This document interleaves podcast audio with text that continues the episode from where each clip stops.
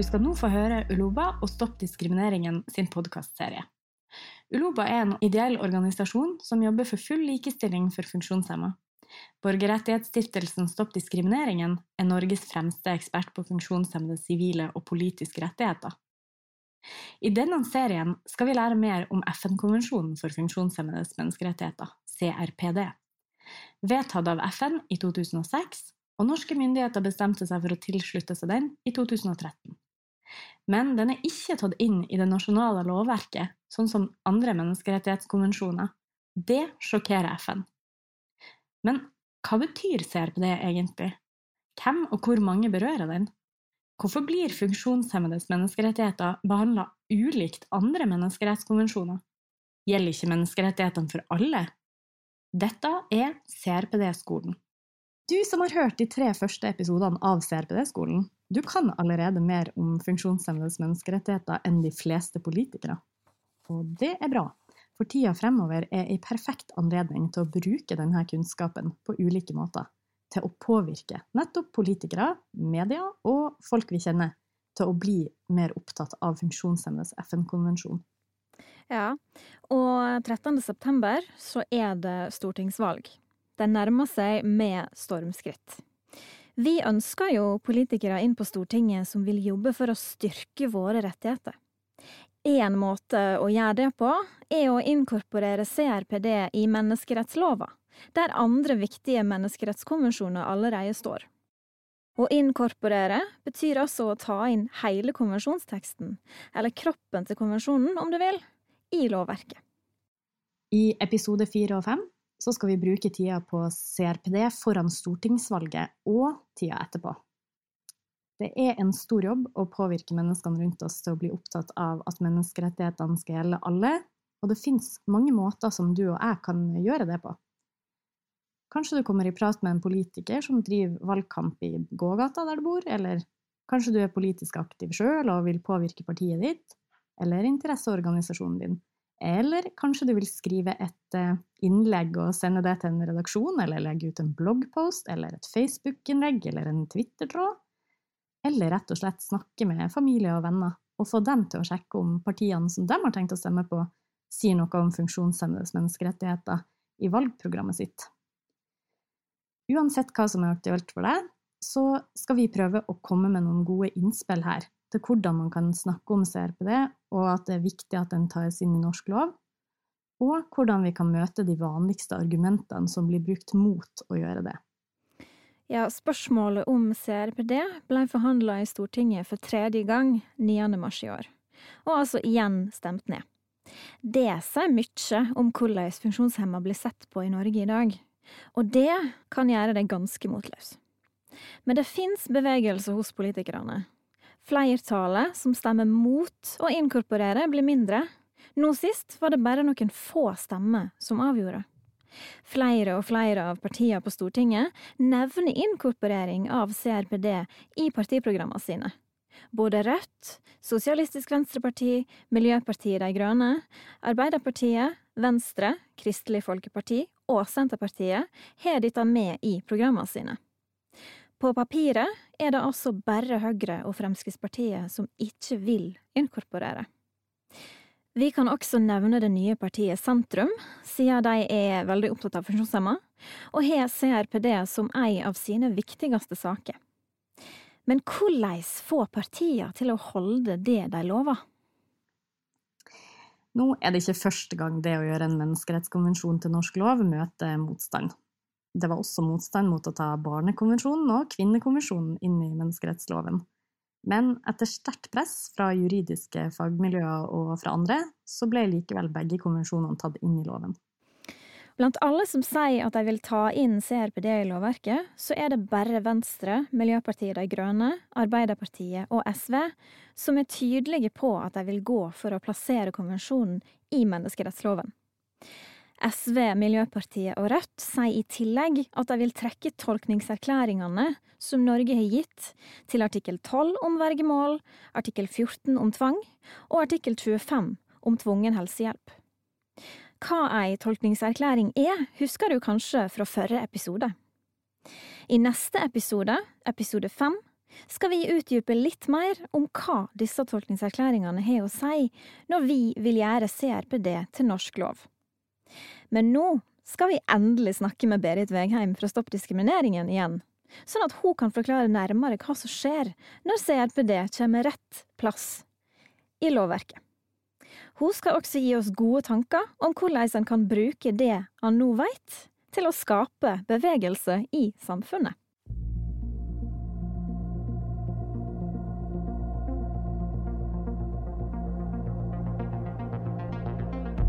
Hei, Berit. Hei. Hei.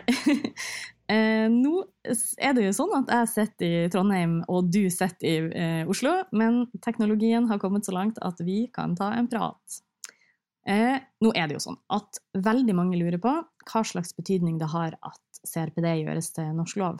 Og vi har allerede vært inne på at å plassere den i menneskerettsloven vil gi den en sterk posisjon, fordi den får forrang foran andre norske lover, i motsetning til det den har i dag.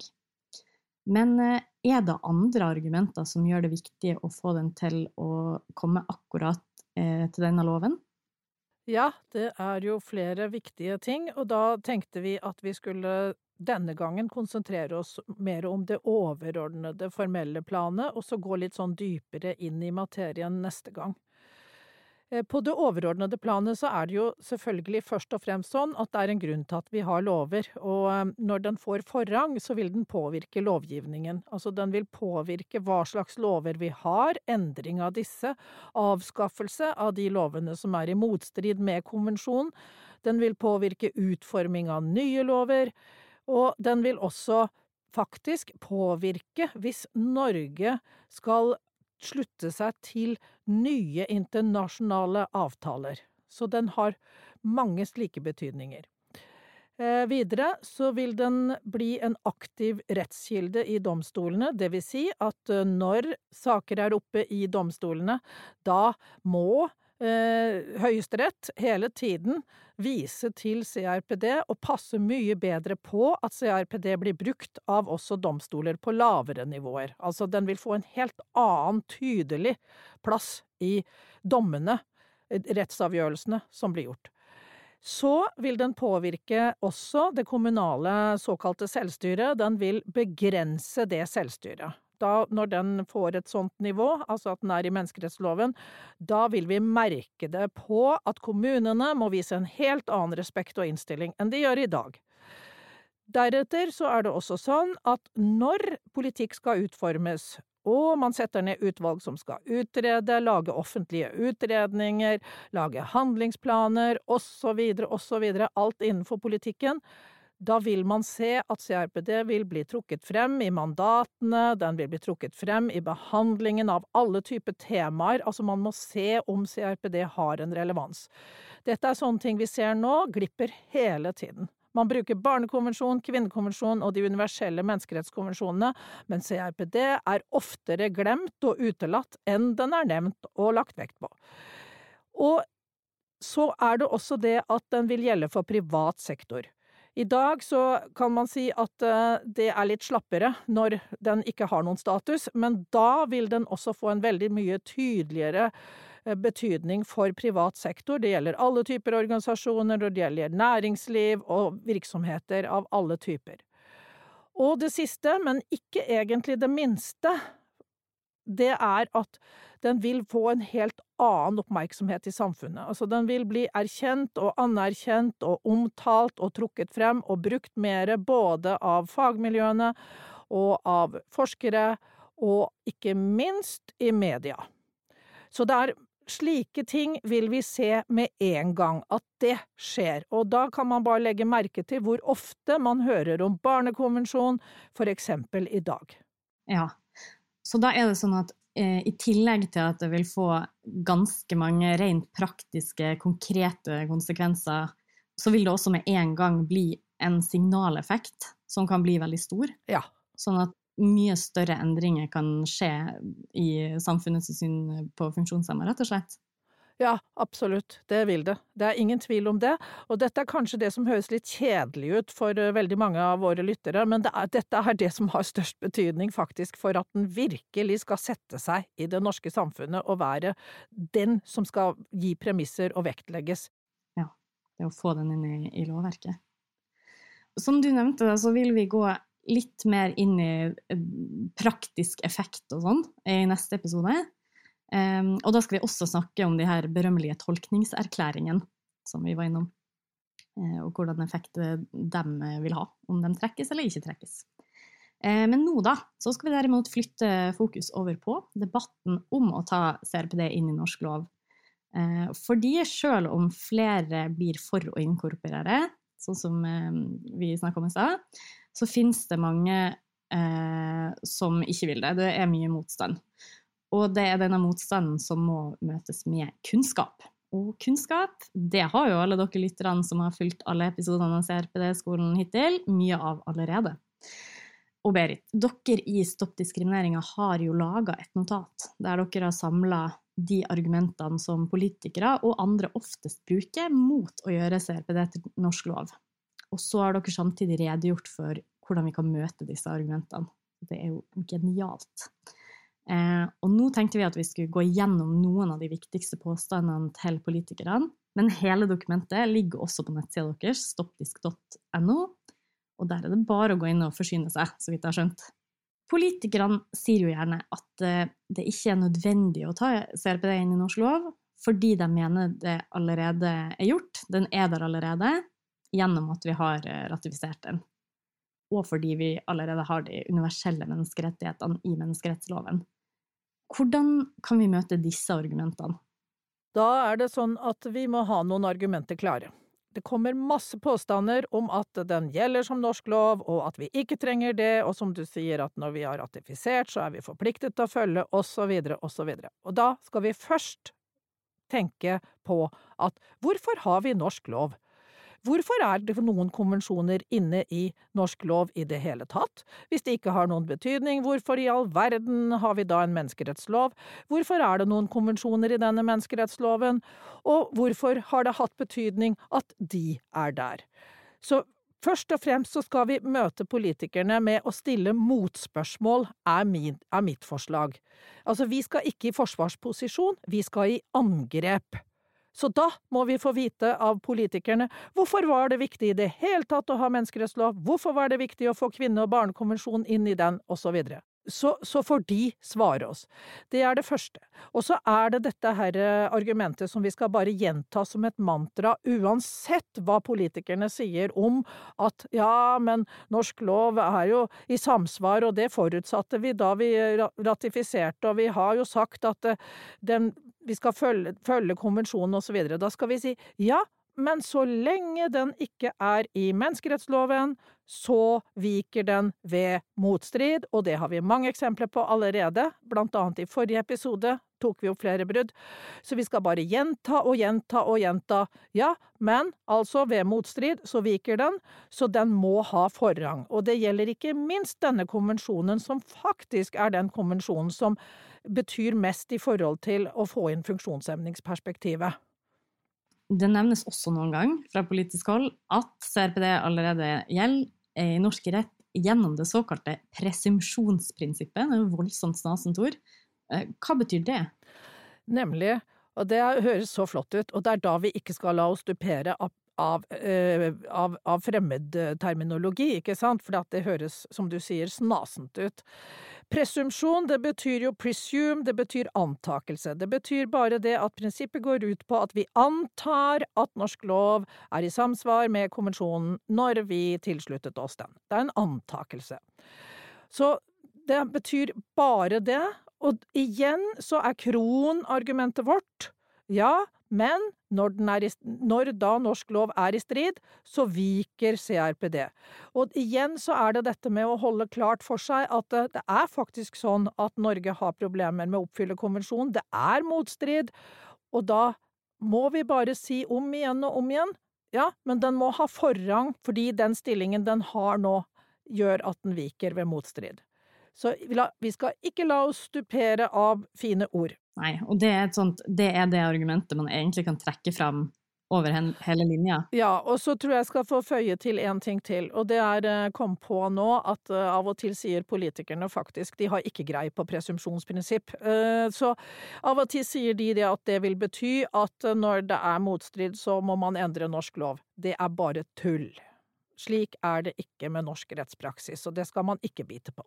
Så man må egentlig bare fortsette å si at så lenge den ikke er tatt inn i lovverket, så er den svak.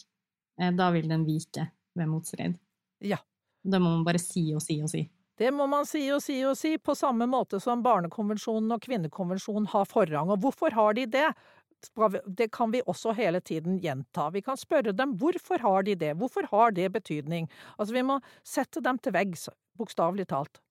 I stortingsdebatten 9. mars så var annet justisminister Monica Mæland fra Høyre opptatt av at Norge ikke skulle avgi suverenitet til FN. Vi har funnet frem et lite klipp her. Vi kan jo høre hva de sa. Jeg hørte en eh, si at det handlet ikke om suverenitet, men det gjør det jo selvsagt i aller høyeste grad. Hvis man mener at eh, norsk lov ikke er i overensstemmelse med fortolkningskomiteens eh, beslutning, og vil endre loven på den bakgrunn, ja, så har man jo overlatt rettsutviklingen til en FN-oppnevnt komité som ikke står på eh, valg. Det er jeg uenig i. Og så foreligger det helt sikkert andre lovmessige eh, konsekvenser som vi òg vil eh, se eh, nærmere på eh, hvis dette blir vedtaket, selvsagt. Takk. Neste replikant er representanten Karin Andersen, Sosialistisk Venstreparti. Andersen, vær så god. Ja, Det er eh, mange menneskerettighetskonvensjoner som nå er inkorporert i eh, norsk rett. Og slik sett så vil det jo ikke være noen forskjell på virkningen av inkorporering av eh, CRPD sett i forhold til f.eks. For FNs konvensjon om økonomiske, sosiale og kulturelle rettigheter eller FNs kvinnediskrimineringskonvensjon. Det er derfor grunn til å spørre om hva det er denne skepsisen som handler om rettighetene for mennesker med funksjonsnedsettelse, hva det er for noe i, i kjernen av det som regjeringen mener er prinsipielt vanskelig. Altså, Er det sånn at man mener at funksjonshemmede ikke skal ha de samme menneskerettighetene som andre? Fordi man har jo dette systemet med de andre konvensjonene, der det også er rettsutvikling, og der det også er endringer i eh, hvordan dette blir fortolka framover. På samme måte som det vil være med denne konvensjonen. Statsråd Mæland? Ja, president, det er jo slik at når eh, menneskerettighetsloven ble vedtatt, så var det slett ikke meningen å inkorporere alle konvensjoner. Det var slett ikke utgangspunktet. Eh, det var ikke da et flertall som mente at det var god lovutvikling. Det mener jeg fortsatt ikke er situasjonen. Og så er det slik at det er både en juridisk, men først og fremst en politisk uenighet her. Det handler ikke om å være for eller mot menneskerettigheter for enkelte grupper. Det handler om hvem som skal ha initiativretten til lovutvikling, hvem som skal fortolke lovene. Og Der hørte jeg representanten Andersen si på talerstolen at uh, i Norge så var en rekke lover i strid med konvensjonen, basert på fortolkning gjort av en FN-komité. Stortingsflertallet, det demokratisk valgte Stortinget, tar altså feil. FN-komiteen har rett. Jeg er dypt uenig i det. Jeg mener at initiativretten, fortolkningen, skal skje i norske domstoler. Utviklingen skal skje i det norske storting. Og Det er grunnleggende uh, uenighet uh, som gjør at når vi legger presumpsjonsprinsippet til grunn, ja, så legger det grunnlaget for utviklingen av menneskerettighetene. Andersen, replikk to. Ja, men Det statsråden sier nå er feil. president. Om vi inkorporerer denne her, så er det jo ikke sånn at FN kan komme og bestemme at Norge skal endre norske lover. Sånn er det jo slett ikke. I FN-systemet er det i høyden et shaming and blaming-system. Vi har ett system med menneskerettigheter der det er en domstol som hører til, og det er Den europeiske menneskerettighetsdomstol. Og selv der er det jo sånn at lover eller eh, saker der Norge er dømt, ikke nødvendigvis får direkte rettsvirkning inn i Norge. Så vi vil fremdeles ha denne Eh, retten i det norske storting. Og det sier også både Likestillings- og diskrimineringsombudet og eh, Den nasjonale institusjonen for menneskerettigheter sier det helt tydelig i sitt svar til behandling av denne saken, at det er ingenting av disse tolkingsuttalelsene som vil tvinge Norge til å endre et eksakt lovverk. Kan du kommentere det det sies her, Berit? Ja, som Karin Andersen så veldig tydelig forklarer her, så er det jo aldri snakk om at Norge avgir noe suverenitet. Det har vi ikke gjort på noen konvensjon, og igjen så må jeg minne om det jeg alltid sier, still motspørsmål. Jaha, så har vi gjort det på andre konvensjoner, da? Nei, det har vi jo ikke. Som hun sier, Norge gjør aldri det. Selv om komiteene uttaler noe, så er det ikke noe som er bindende, og til og med, som hun også påpeker, til og med Den europeiske menneskerettsdomstol velger Norge å ignorere når det passer oss sånn. Og da var jo eksempelet disse barnevernssakene som har vært nå i det siste, som er et ypperlig eksempel på at vi gir aldri fra oss suverenitet. Ok, det var rett og slett de spørsmålene vi rakk denne gangen, men vi snakkes igjen i neste episode, Berit. Da skal vi annet snakke om praktiske konsekvenser som det kan få eh, enda mer å få CRPD inn i norsk lov. Det er det flere som har lurt på. Og vi skal snakke om individklagerett, og vi skal snakke om tolkningserklæringen. Takk for nå!